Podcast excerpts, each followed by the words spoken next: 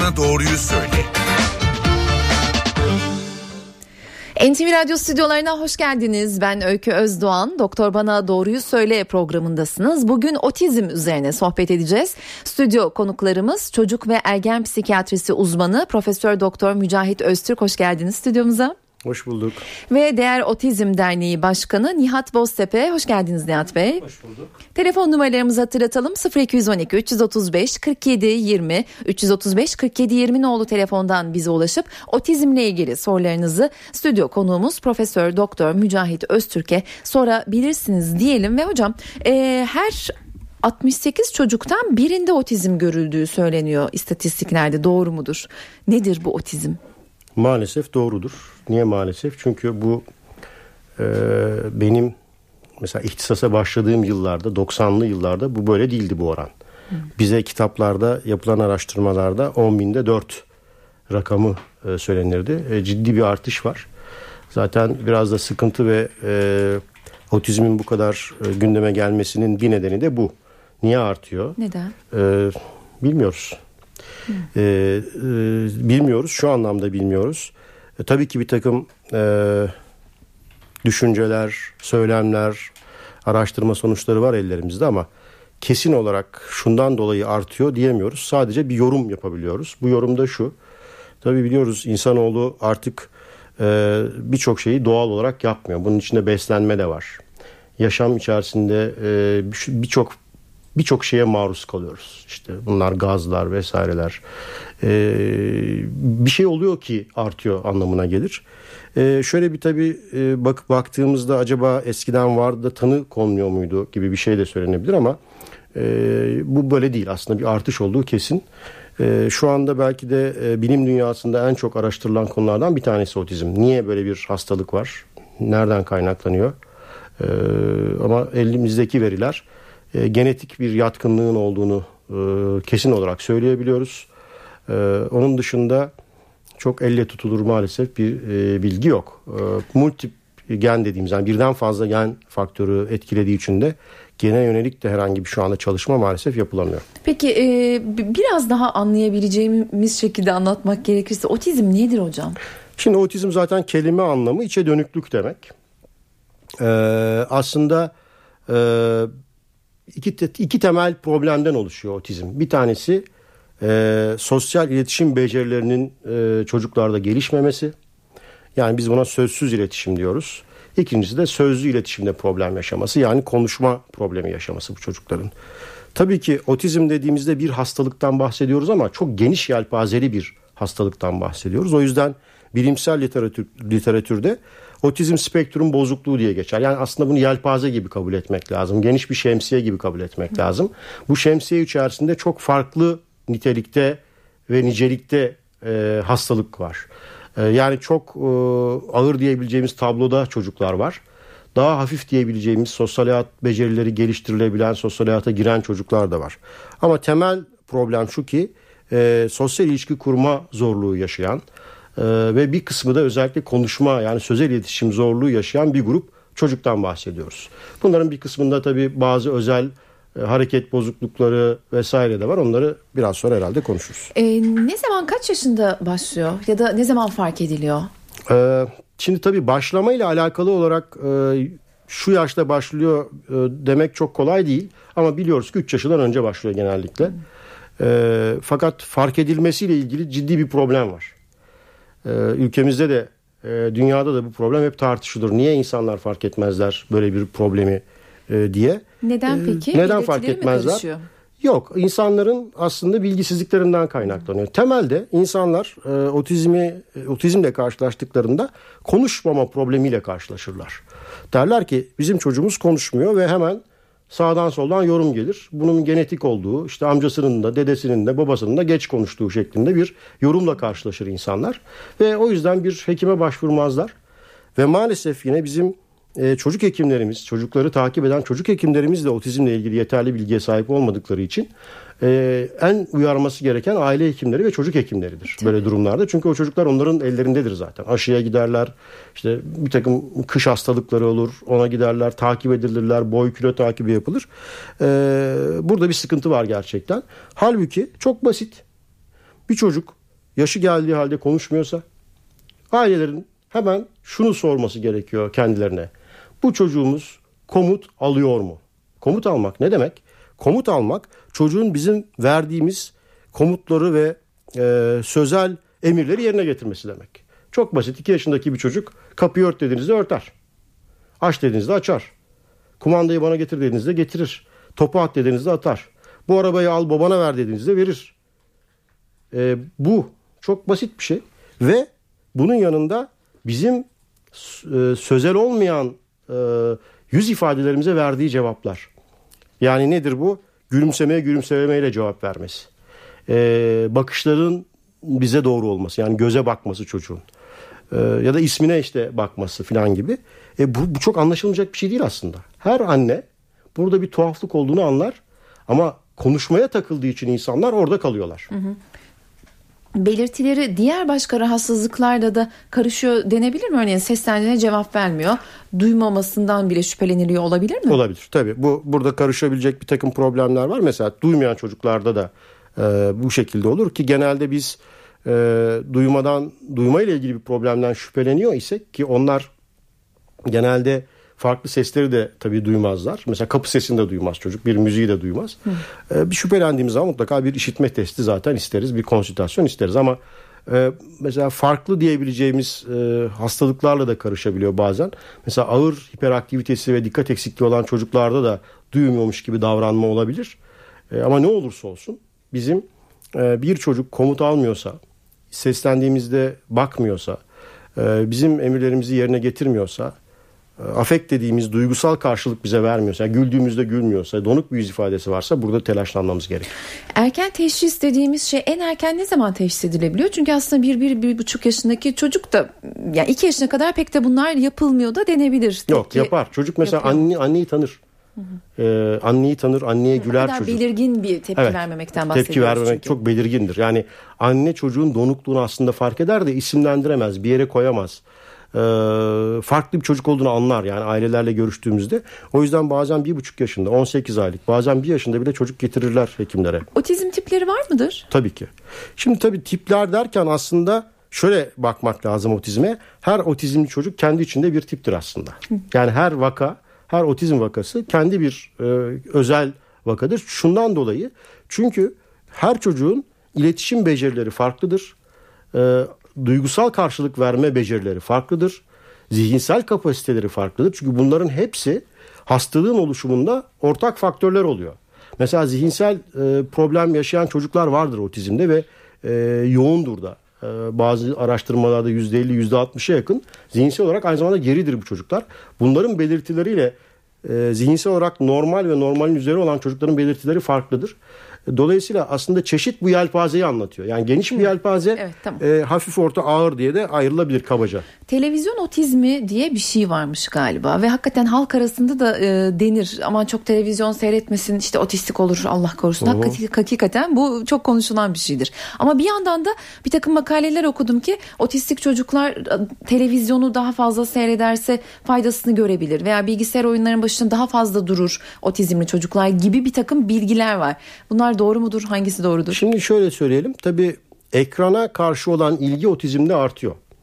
Dolayısıyla erken yaşta e, siz çok teşvik etmeseniz de çocuk televizyonu yakaladığı zaman orada bir ekrana bağlanıyor ya da e, tablete bağlanıyor. Cep telefonunun ekranına bağlanıyor. Bu ekranla ilgili bir bağlanma var. Buradaki sorun şurada. E, bir kısım çocuklarda otistik olmasalar da eğer e, özellikle ilk 3 yaşta anne e, aktif olarak çocukla ilgilenmediyse yani çocuğu e, televizyonun karşısına oturttu ve bakıcı olarak televizyonu kur, e, kullandıysa çocuk günde 10-12 saat belki televizyon seyrettiyse ki öyle çocuklar var onlarda da otizm benzeri bir takım belirtiler oluşur. Biz bu grup çocuğa bağlanma bozukluğu diye bir hastalık tanısı koyuyoruz. Bu hmm. otizm değil. Hmm. Ama biraz önce bahsettik ya karışır mı diye. Bunlar karışırlar. Hatta bazen ayırmakta çok zorlanırız. Zaman içerisinde ayırırız. Fakat Otizmi olan çocuklar da televizyona ve ekrana çok meraklıdırlar.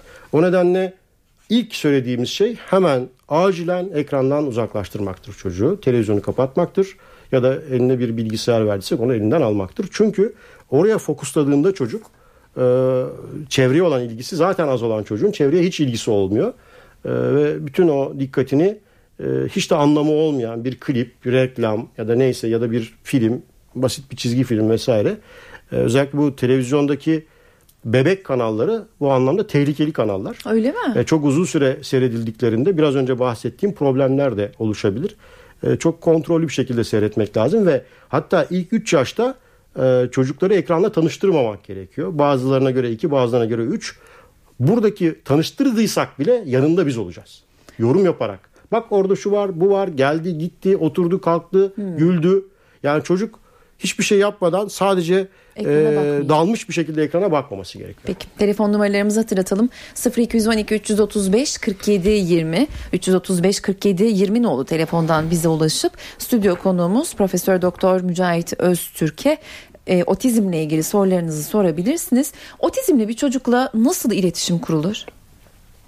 Şimdi burada da tabii otizmin derecesine göre çok farklı şeyler söyleyebiliriz. Çok ağır derecedeki çocuklar zaten bizim iletişim e, çabalarımıza karşılık vermezler. Tedaviyle aslında temel çözülmesi gereken bu iletişime karşılık vermeleridir. Ama diğer anlamda e, daha orta ve hafif derecede olanlar yavaş yavaş e, tedavinin de katkısıyla artık iletişime geçmeye başlarlar. Burada temel aslında iki nokta var. Bir tanesi sabırlı ve ısrarcı olmak. Yani vazgeçmemek.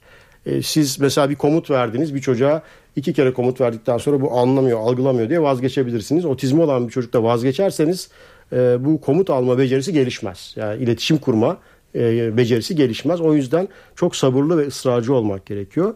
İkincisi de e, tabii burada önemli olan bir başka nokta var. Ee, biraz sonra da bahsederiz eğitim içerisinde, tedavi içerisinde. Aslında otizmin tedavisi hayatın her alanında olması gereken bir şey. Yani sadece bir eğitimi masada yapmak, masa başında eğitmek değil çocuğu. Ee, sokakta, yürürken, parkta, alışveriş merkezinde, evde, mutfakta, e, her alanda çocuğu hayatın içerisine çekeceğiz. Şöyle tanımlayabiliriz aslında anlaşılsın diye. Otizmi bir e, kapalı bir kutuda yaşayan bir çocuğa benzetebiliriz otizmli çocuğu ve bu çocuk aslında bu halinden çok da muzdarip değil, şikayetçi değil. Kendi halinden memnun. Biz o kapalı alana delikler açmak ve iletişim e, becerilerini geliştirmekle uğraşıyoruz tedavi sırasında. İşte bu oradan çıkartmaya çalışıyoruz. Oradan memnun olmamasını sağlamaya çalışıyoruz. Hedefte bu. Otizmin tedavisi var mı? Şimdi e, bu da tabii e, şey bir e, durum. Otizmin tedavisi kesin bir tedavisi yok. Kesin tedaviden Bitmiyor kasıt yani. Kesin tedaviden kasıt şudur. Ee, mesela bir e, şeydir e, enfeksiyon geçiriyorsunuzdur antibiyotiği alırsınız ve o mikrobu öldürürsünüz ve düzelirsiniz. Akciğerinizdeki enfeksiyon düzelir. Otizm böyle bir hastalık değil. Ee, otizm tedavisi yaşam boyu sürebilecek bir hastalık ve en önemlisi neden kesin olarak bilinmediği için kesin olarak şu tedavi şöyle uygulanır e, denen bir hastalık değil. Ama şu da değil tedavisi yok o evde oturalım e, kaderimize küselim. Hiçbir şey yapmayalım. Böyle bir hastalıkta değil. E, tedavisinin ayrıntılarından ve eğitimden bahsedeceğiz. E, pek çok alanda işbirliği yapılması gereken bir e, durummuş gibi geliyor otizm. Kesinlikle. Hem eğitimiyle hem tedavisiyle. E, şimdi sözü Nihat Bey'e vermek istiyorum. Değer Otizm Derneği Başkanı Nihat Boztepe. E, Örneğin sizin gibi kurumlar otizmli çocuklar için neler yapıyorlar? Ee, size nasıl başvurabilirler? Ee, bir, bir kısaca böyle bir giriş yapabilir miyiz Nihat Bey? Gayet tabii. Ee, hocamın e, çok güzel anlattığı gibi e, otizm çok boyutları olan e, multidisipliner ele alınması gereken bir konu. Bu yüzden e, e, bizim gibi e, bu konularda faaliyet gösteren STK'lar olayın daha çok sosyal boyutlarını ele almaya çalışıyorlar. Ee, gene STK'nın uzmanlık alanına göre bazıları belli konularda uzmanlaşıyor. Bu konudaki araştırmaları e, tetiklemeye gayret ediyorlar.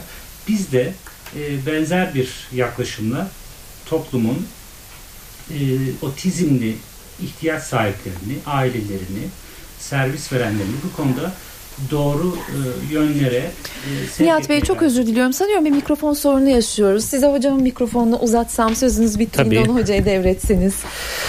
Ee, şöyle bizim derneğimiz ve benzer dernekler e, ihtiyaç sahiplerini bu multidisipliner konuda yaşam içerisinde neler yapması gerektiğini, nasıl bir rol alınması gerektiğini, bu ailelere ne şekilde e, yardım edebileceğini e, tahmin edip bu konuda bir takım faaliyetler yürüten e, STK'lar olarak önümüze çıkıyorlar. Biz de e, ihtiyaç sahibi otizmli bireylere e, yurdun her yanında e, ihtiyaç duydukları bilgiyi, eğitimi ve e, bağlantıları sağlamaya çalışıyoruz. Örneğin bir tırdan bahsettiniz Doğu illerinden başlayan son derece enteresan. Onu bir paylaşabilir miyiz Gayet Radyo dinleyicileriyle? E, elbette otizmli aileler sadece İstanbul'da, e, Ankara'da, İzmir'de, büyük şehirlerde değiller ihtiyaç sahiplerinin büyük bir kısmı e, nasıl bir sorunla başa çıkacaklarını bilemeyen e, kırsal yörelerde yaşayan ailelerimiz oluyor. Büyük ailelerimiz oluyor. Bu e, ailelere e, ulaşmak herkes için, devlet için de STK'lar için de zor. Biz de kendimize bu zorluk içerisinde bir e, alan seçmeye çalıştık ve derneğimizin ilk e, e, kurumsal temsilcisini Doğu Anadolu bölgesine e, kurmaya karar verdik hı hı. ve bir tır projesiyle oradaki ailelere elimizi uzatmaya çalışıyoruz. Oradaki ailelere tır, tırımızda çalışan bir sosyal uzman, bir hekim vasıtasıyla oradaki insanların ihtiyaçlarına cevap vermeye çalışıyoruz ve tırımız önümüzdeki günlerde yüksek havadan başlayarak e, tüm Anadolu'da e, faaliyet gösterecek. E, peki döneceğim Nihat Bey e, size mutlaka ama e, hocam şu tedaviye girebilir miyiz? Reklam e, arası vereceğiz ama aradan önce telefonlarımız da var. Vakti biraz daha verimli kullanmaya çalışacağım. Şimdi tedaviden kastımız şu. Tabii tedavi dediğimizde her otistik bireyin ya da otistik çocuğun kendine göre bir tedavi programı alması gerekir. Burada da bir genelleme tabii yapacağız ama tedavinin aslında zorluğu ya da tedavinin başarısı kişiye özel bir programın uygulanması. Çünkü bu geniş yelpaze içerisinde her çocuk farklı alanlarda daha büyük problemler yaşıyor. Hedef şu en büyük en büyük sorundan başlayarak tedaviyi e, yönetmek ve götürmek. Tedavinin de aslında üç ayağı var. Birinci ayağı eğitim ayağı. Yani e, otistik çocukların zorlandıkları alanda eğitimlerle bu zorlandıkları alanlara baş etmelerini sağlamak. İletişim eğitimi temel eğitimlerden bir tanesi. Sözel ve söz iletişimi geliştirecek bir eğitim programı. İkincisi e, bu eğitimin yaşam becerileri alanlarına kayması. Yani çocuğun e, yaşam içerisinde yaşam kalitesini arttırabilecek hem çocuğun hem ailenin yaşam kalitesini arttırabilecek bir eğitim programıyla yaşam becerilerini çocuğun arttırabilmek. Birinci hedef e, şey bu tedavi bu. İkincisi e, hekimlerin uyguladıkları ve zaman zaman da gerçekten iyi sonuçlar alan bir takım ilaç tedavileri var. Şimdi tabii ki otizmin direkt bir ilaç tedavisi yok. Yani otizme yönelik bir ilaç yok ama bildiğimiz şu ki otistik çocukların önemli bir kısmında ilave psikiyatrik problemler var. Mesela dikkat eksikliği problemi var, davranış problemleri var, kaygı problemleri var, bir takım uyku sorunları var, öfke kontrol problemleri var, hatta depresyon var. Dolayısıyla bunların tedavileri hem eğitimin daha sağlıklı yürümesini hem de çocuğun sosyal hayata katılmasını sağlar. O anlamda e, çocuk psikiyatrisi uzmanının e, yönettiği bir medikal ilaç tedavisi ayağı var. Üçüncüsü de sosyalizasyon yani bu çocukları sosyal hayata katmak. Sosyal hayata katmak ne demek? Yani bu çocukları okullara göndermek demek. Bu çocukları sosyal hayatın içerisinde görmek demek. Çünkü en büyük problemlerden bir tanesi de maalesef e, bu tür çocukların eğer aile biraz e, artık tükenmişlik yaşıyorsa ya da bu konuda çok iyi bilgilendirilmemişse, çok iyi donanmamışsa bu çocuklar evde saklanırlar, dışarı çıkartılmazlar. Ee, sadece ev ortamında e, işte bir kapalı mekanda belki ellerine bir bilgisayar verilerek, belki ellerine bir oyuncak verilerek uzun süre evde kalırlar. Bunu ortadan kaldıracak bir sosyalizasyon programı da gerekiyor. Tam da bundan e, bahsedecektim. Ailenin burada çok büyük bir rolü var. Ebeveynlerin aslında bilinçlendirilmesi gerekiyor ki onlar da çocukla ilgili doğru adımları atabilsinler. E, hem aileler nasıl bir yol izlemeli? Önce size soracağım. Ardından da Nihat Bey siz dernek olarak ailelere ne gibi destekler veriyorsunuz? Onu öğrenmek istiyorum. Şimdi öncelikli olarak e, şunu bahsetmekte fayda var. Otizm e, öyle bir hastalık ki tıbbi olarak kesin şudur tedavisi denemediği için bütün hastalıklarda bu vardır tıbbi olarak kesin tedavisi söylenemeyen hastalıklarda çok istismara açık bir tedavi e, protokolü de var. Yani şundan şundan bahsediyorum. E, Birçok kişi farklı şeyler yaparak otizmi tedavi ettiğini söylüyor ki bunların hiçbir kanıta dayalı bilimsel tarafı yok. Bu anlamda biz ailelere şunu söylüyoruz. Bu işin uzmanları olarak, çocuk psikiyatristleri olarak lütfen hekiminizin yönlendirdiği şekilde tedaviye devam edin. sağa sola e, gerek ekonomik ekonomik gücünüzü gerek eforunuzu bireysel eforunuzu harcamayın. Tedavinin dediğim bu üç ayağı dışındaki ayaklar işte e, biz şunu bulduk şöyle bir özel tedavi var şöyle bir yöntemle tedavi ediyoruz denen şeylerin hepsi tamamen kişilere özgü kişilerin oluşturduğu ve bilimsel temeli olmayan e, tedavi protokolleridir ve anlam ifade etmez vakit kaybıdır e, ve moral kaybıdır. O nedenle aileler e, bilimsel çerçevenin dışına çıkmadan özellikle bu dediğim üç ayak üzerinde çok fazla durmaları gerekiyor. Siz peki Nihat Bey Değer Otizm Derneği olarak size başvuran ailelere nasıl destek oluyorsunuz, nasıl yönlendiriyorsunuz? Evvela e, ailelerimize bilim çevrelerinin ürettiği çözümleri hızlı bir şekilde e, belli bir disiplin ve belli bir çerçeve içerisinde ulaştırmaya çalışıyoruz. En büyük rolümüz burada bu. E, bu tabii e, sadece klinik konularda değil, e, sosyal yaşamın içerisinde bulunduğu konuları da içerebiliyor. E, beslenme konusunda içerebiliyor. Ve e, sadece çocukların değil, onların ailelerinin yaşam kalitesini de arttırabilecek bir takım çözümler üretmeye çalışıyoruz. Bunlar en büyük amaçlarımız. Önümüzdeki projelerin biri 24 e, saat hizmet verebilecek bir merkez oluşturabilmek. Çünkü e, otizmli e, çocuklara sahip ailelerin büyük bir kısmı sosyal yaşamlarından büyük ödünler vermekte ve yaşam kaliteleri ciddi şekilde bozulmakta. Ailelerin İstanbul, İzmir, Ankara gibi büyük şehirlerde daha küçük ailelere dönüşmesi onların daha az yardım almalarına sebep oluyor bizim gibi STK'ların bu konularda da çözüm üretmeleri e, elzem.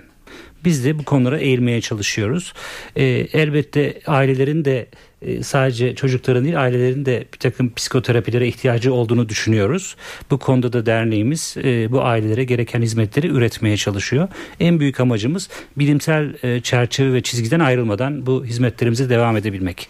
Peki bir reklam arası vereceğiz. Telefon numaralarımızı hatırlatalım. Reklamın ardından dinleyici sorularını almaya başlayacağız.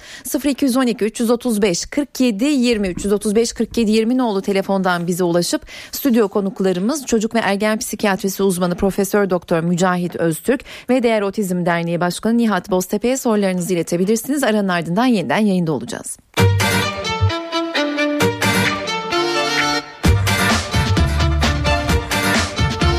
Doktor bana doğruyu söyle devam ediyor.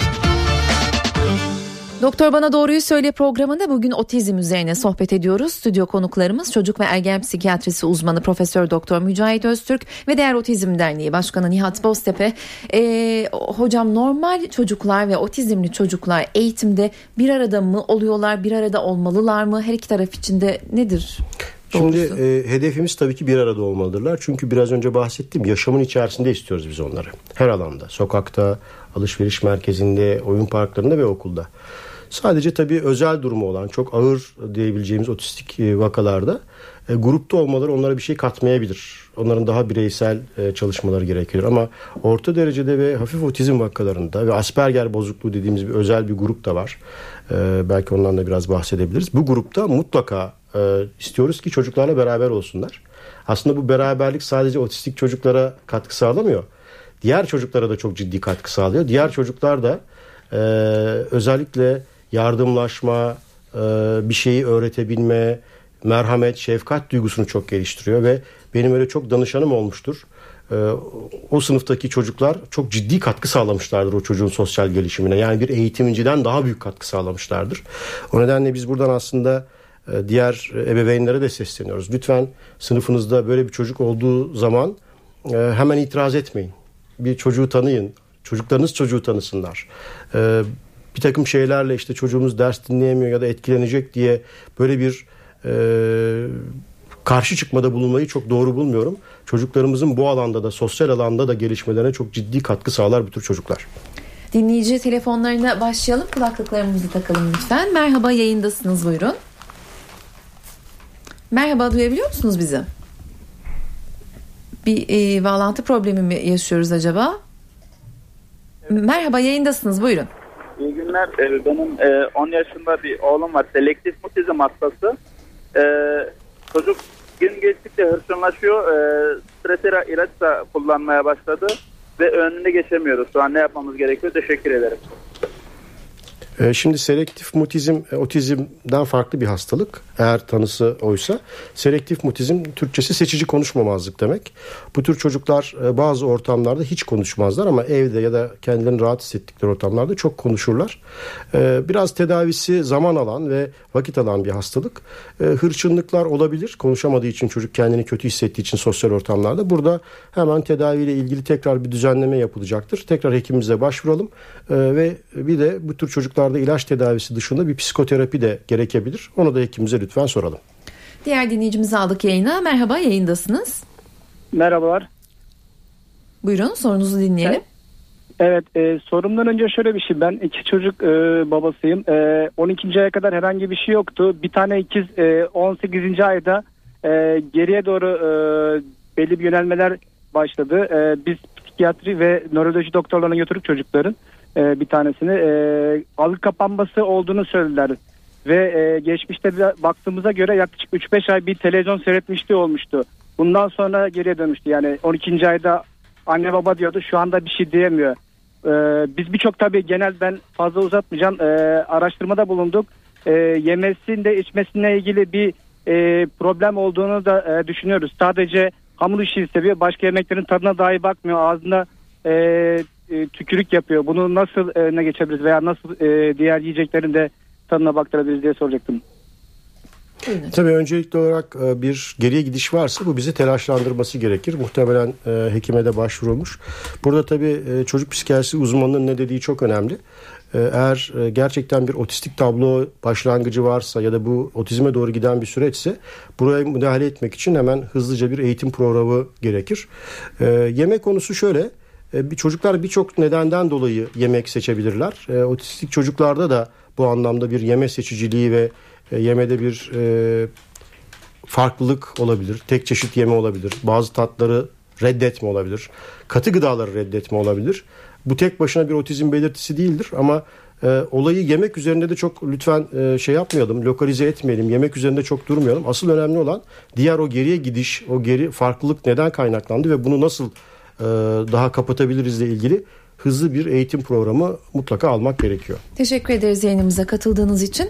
Ee, bir yandan da sanki otizmli çocukların e, başka konularda diğerlerinden daha ileriymiş gibi bir e, yargı da var. İşte örneğin Temple Grandin gibi dünya çapında isim yapmış otizmliler var.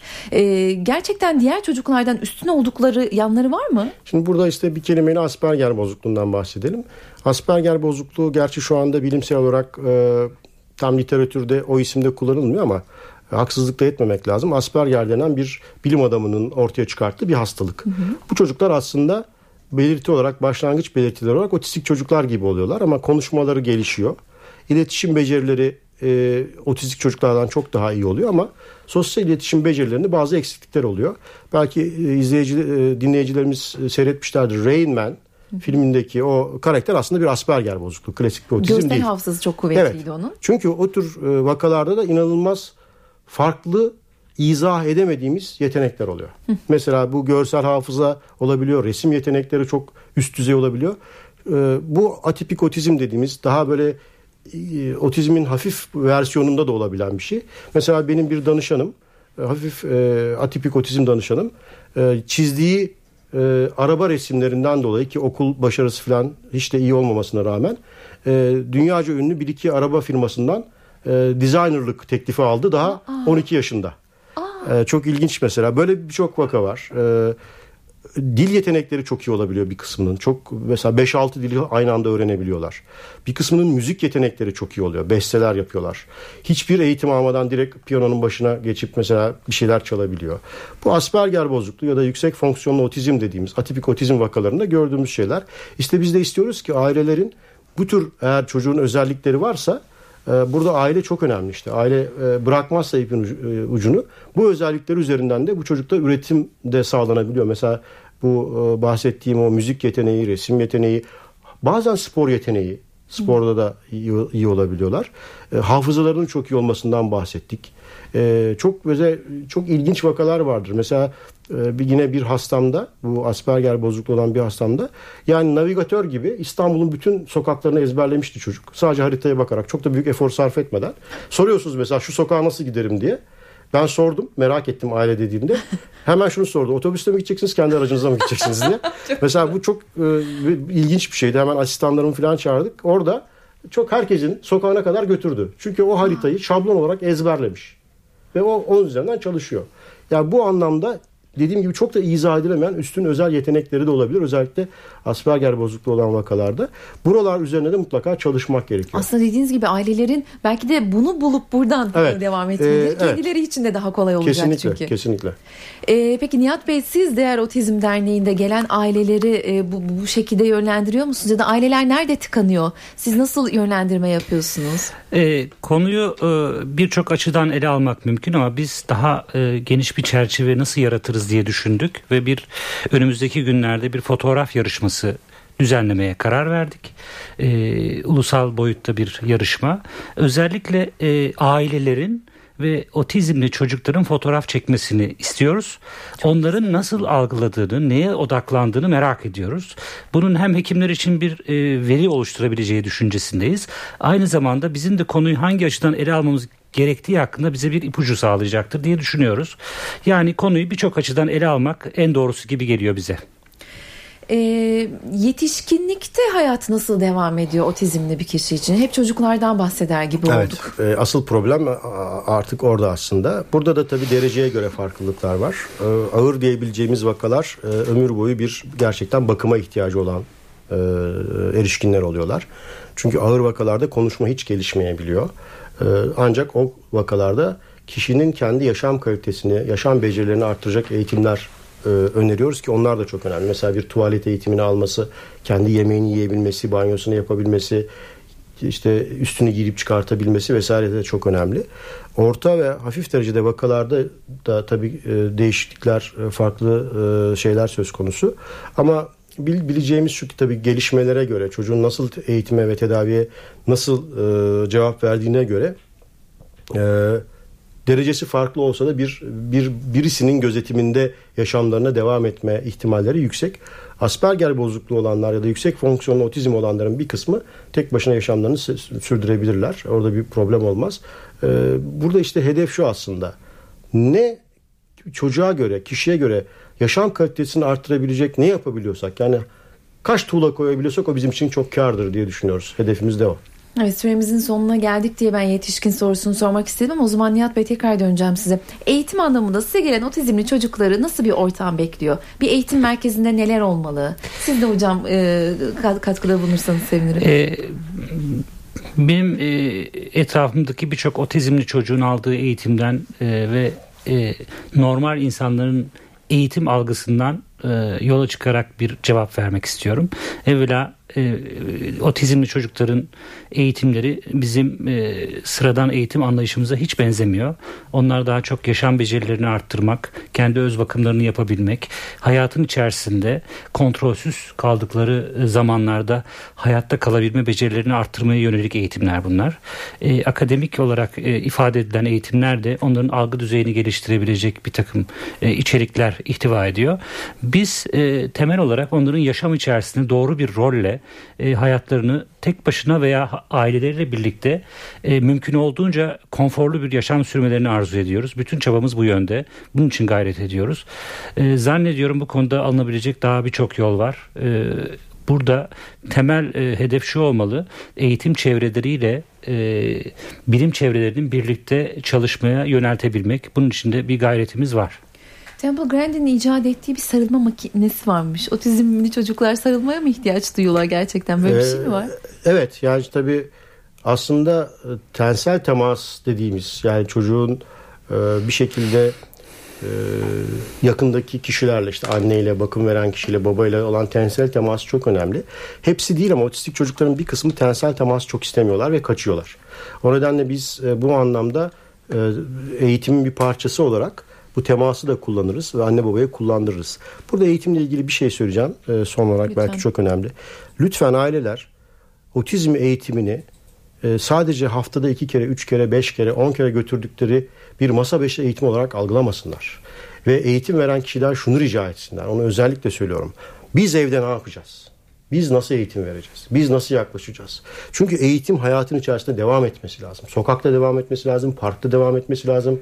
Tekrar söylüyorum alışveriş merkezinde, otobüste her yerde eğitim devam edecek. Eğitimi yaşam içerisinde ele almazsak sadece masa başı eğitim otizm e, tedavisinde istediğimiz bir şey değil. E, tam olarak da bunu soracaktım. Kapatmadan ailelere bir mesajınız var mı diyecektim. Siz benden önce davrandınız. Nihat Bey buyurun sizinkini de alalım. E, ben de bu eğitim sürecini sadece otizmli çocuklar ve aileleriyle sınırlı kalmaması gerektiğini, aynı zamanda normal diye etiketlediğimiz insanların da bu tip e, engelleri olan insanlara nasıl yaklaşması gerektiğini, toplum içerisinde nasıl yaşaması gerektiğine yardımcı olabilecek yol ve yöntemleri bir an önce kavuşması gerektiğini düşünerek normal eğitim süreçlerine de müdahil olmamız gerektiğini düşünüyorum. Çok teşekkür ediyorum. Çok güzel bir programdı. İyi ki geldiniz, vakit ayırdınız. Biz teşekkür ederiz. Çok sağ olun. Profesör Doktor Mücahit Öztürk bizimleydi ve Değer Otizm Derneği Başkanı Nihat Boztepe. Programın sonuna geldik. Ben Öykü Özdoğan. Önümüzdeki hafta bir başka konuyla karşınızda olacağız. Hoşçakalın.